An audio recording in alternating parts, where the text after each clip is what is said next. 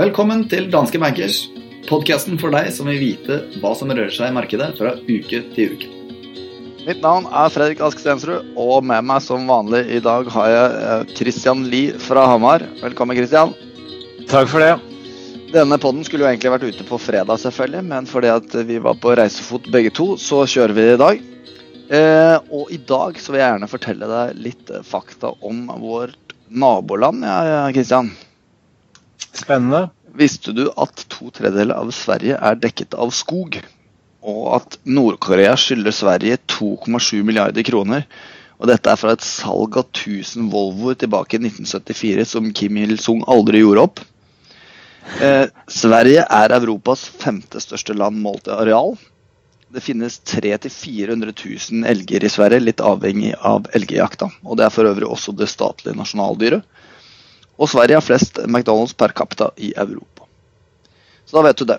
Men jeg vil gjerne vite hva som har skjedd den uken her. Ja, nå er denne uken her ganske kort, da. For, forrige, forrige uke, mener jeg selvfølgelig. Ja, forrige uke var uh, heldigvis en, uh, en, god uke i, i aksjemarkedene. Eh, hvor vi hadde 1,5 oppgang på, på, Oslo Børs. Med god hjelp fra en oljepris som lukta på 80 dollar fatet. Ellers så hadde vi en, det jeg vil kalle en feilslått optimisme i forhold til handelskonflikten mellom USA og Kina, som bidro positivt, i hvert fall i en periode. Og I tillegg så, så vi også noe bedring i, i, stemningen knyttet til emerging markets, ettersom eh, vi fikk rentehevinger både i Russland og i Tyrkia. Men når det gjelder eh, aksjemarkedet, så var det som nevnt flere ting som eh, bidro. Vi hadde 1% oppgang både i USA og Europa, og vi fikk også drøye en halv prosent oppgang for emerging markets-aksjer, etterlengtet sådan. Og det var jo flere ting som bidro. Som nevnt så var det jo Eh, signaler fra den amerikanske finansministeren om at han var i ferd med å opprette dialog med kineserne om å starte forhandlinger. Men det tok ikke lang tid før eh, Trump eh, kontret og sa at han hadde i hvert fall ingen tidsnød i forhold til å etablere en avtale, fordi mine markeder går veldig bra, mens de kinesiske går veldig dårlig, litt satt på spissen og oversatt til norsk. Men uansett så er det signaler om at Trump allerede i dag faktisk kan komme til å lansere de nye tariffene på kinesiske importvarer til svarene rundt 200 milliarder eh, dollar. Og dersom det eh, skjer, så er det klart at da går vi inn i en ny fase i denne handelskonflikten, som trolig også vil se en respons fra kineserne sin side. Og, ja. Bare eh, to steg tilbake. Du, du, sier jo her at det er en feilslått optimisme rundt denne handelskonflikten. Hva, hva, er det grunner ut i den feilslåtte optimismen? Vi har jo snakka om det her i sikkert de siste fem poddene. Ja, Nei, det, det, er det jeg nettopp prøver å forklare før du avbryter meg. Eh, men poenget er at eh, det, eh, så lenge den amerikanske økonomien er sterk, det amerikanske aksjemarkedet går bra osv., så, videre, så har jo Trump ingen sånne økonomiske insentiver til å snu i, i, politikken sin. Men det som gjør at vi i tillegg tror dette kommer til å ta lengre tid, det er jo at Trumps ultimate ambisjon det er jo å få bort det handelsunderskuddet som USA har mot Kina.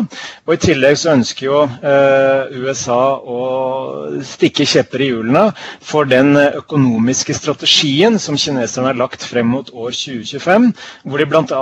ønsker å bli verdensledende innenfor en del eh, teknologiske områder, som f.eks.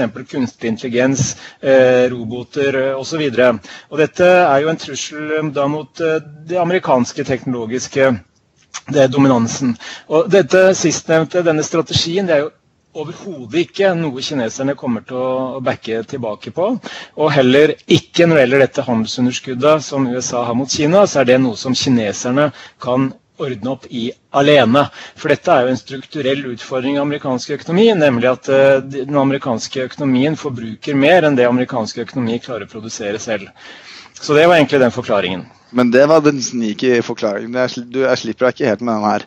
For det du forklarte nå, var jo egentlig bare argumentasjon for hvorfor det kan bli verre. Jeg lurte på hvor kom denne feilslåtte optimismen fra? Jo, det var jo at uh, finansminister Mnuchin sa at uh, han går inn i dialog med kineserne.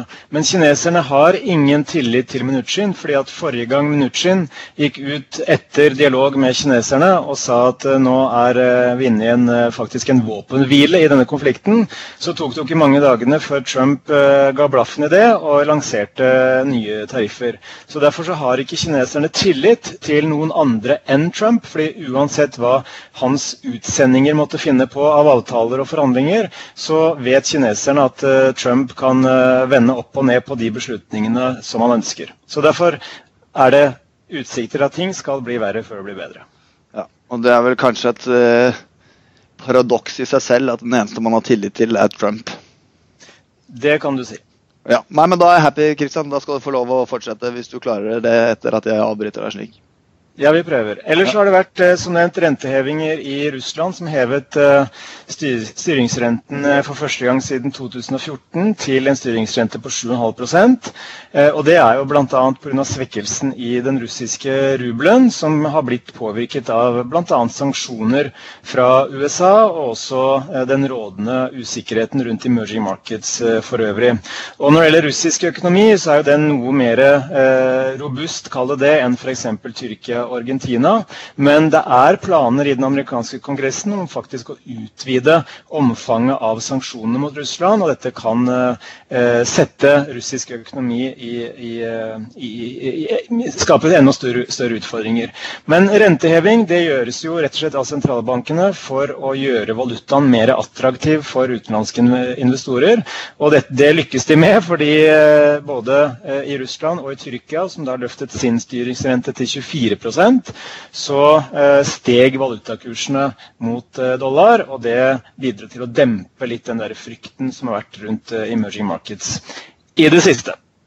Er det en kortvarig effekt, tror du, eller kan det vedvare? Eh, hvis eh, sentralbankene viser eh, vilje og evne til å tilpasse pengepolitikken til, til, den økonomiske situasjonen og til valutakursutviklingen, så kan det være med på å berolige investorene. Men så lenge dollaren er såpass sterk og den amerikanske sentralbanken fortsetter å være eh, ambisiøs i forhold til hvor mye de skal heve rentene, så kan dette presset mot emerging markets vedvare en stund til. Når det er sagt, så er jo emerging markets-aksjene de har jo falt ganske mye eh, de siste månedene, og mye negativt er allerede priset inn. Så spørsmålet er jo hvor mye mer eh, skal det falle før vi eventuelt får en eh, noe hyggeligere utvikling. Jeg tenkte egentlig på den positive effekten av rentehevingen. Om det kunne vedvare. Eller om det var kortsiktig. Å ja, sånn ja. Eh, I utgangspunktet så, så, vil jo investorene ikke nødvendigvis eh, se på én renteheving som det som løser de strukturelle utfordringene i, i, økonomien. Og spesielt i Tyrkia så vil jo ikke en renteheving isolert sett bidra til å eh, fjerne problemene. For vi vet jo at når en økonomi er i såpass hardt vær som den tyrkiske eller den argentinske, så vil jo en renteheving isolert sett være innstrammende på den økonomiske aktiviteten. Og sånn sett så vil det ikke nødvendigvis være positivt. Så da blir det en balansegang mellom eh, å, si, å, å, forsvare valutaen og sørge for at kapitalen ikke flyter ut av landet, eh, med de negative effektene fra selve rentehevingen på den økonomiske aktiviteten. Ser man det, Christian? Du har et svar på alt. Men kan du svare meg på hva det er som skjer neste uke? Eller altså denne uken her? eh, ja, Trolig så vil jo markedene være veldig opptatt av hva som skjer i forhold til handelskonflikten. Om det da kommer en lansering av disse nye 200 milliarder dollar i tariffer fra, fra USA sin side. Eh, bortsett fra det så er det ikke veldig mye spennende på den globale banen. Vi har eh, en PMI fra eurosonen og USA som kom på fredag, altså en vekstindikator fra industrien. Eh, men kanskje viktigst for oss her hjemme, så er det rentemøte i Norges Bank på torsdag. Og, og, Der eh, ligger det jo i kortene at Norges Bank vil heve styringsrenten for første gang eh, på, på over sju år.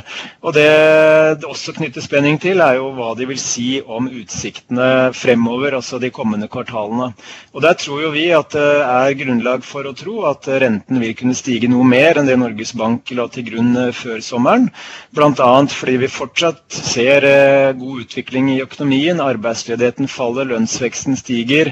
Vi ser at oljeprisen er er høyere enn det den var den gang. Oljeinvesteringene ser ut til å øke mer. Eh, og I tillegg så har også kronen vært eh, ganske svak i det siste, som jo er en positiv drivkraft for norsk økonomi med tanke på eksportsektoren. Ja. Og det var egentlig det for, for denne uken her? Yes. Men Det er veldig bra, det, Christian. Da tar jeg bare og oppsummerer de viktigste tingene for denne uken. Men først så tar jeg markedsbevegelser siste fem dager. Da har vi OECBX opp 1,5% SMP 500 opp 1% Eurostox 600 opp 1% og oljeprisen opp 1,5 Og Det viktigste da for denne uken er rentemøtet i Norges Bank på torsdag klokka 10. PMI for eurosonen på fredag klokken 10 og PMI fra USA på fredag klokken 15.45. Takk skal du ha, Christian. Og det var faktisk alt vi hadde i eh, denne ukens Danske Bankers. Vi høres igjen da nå på førstkommende fredag, faktisk. Vi høres.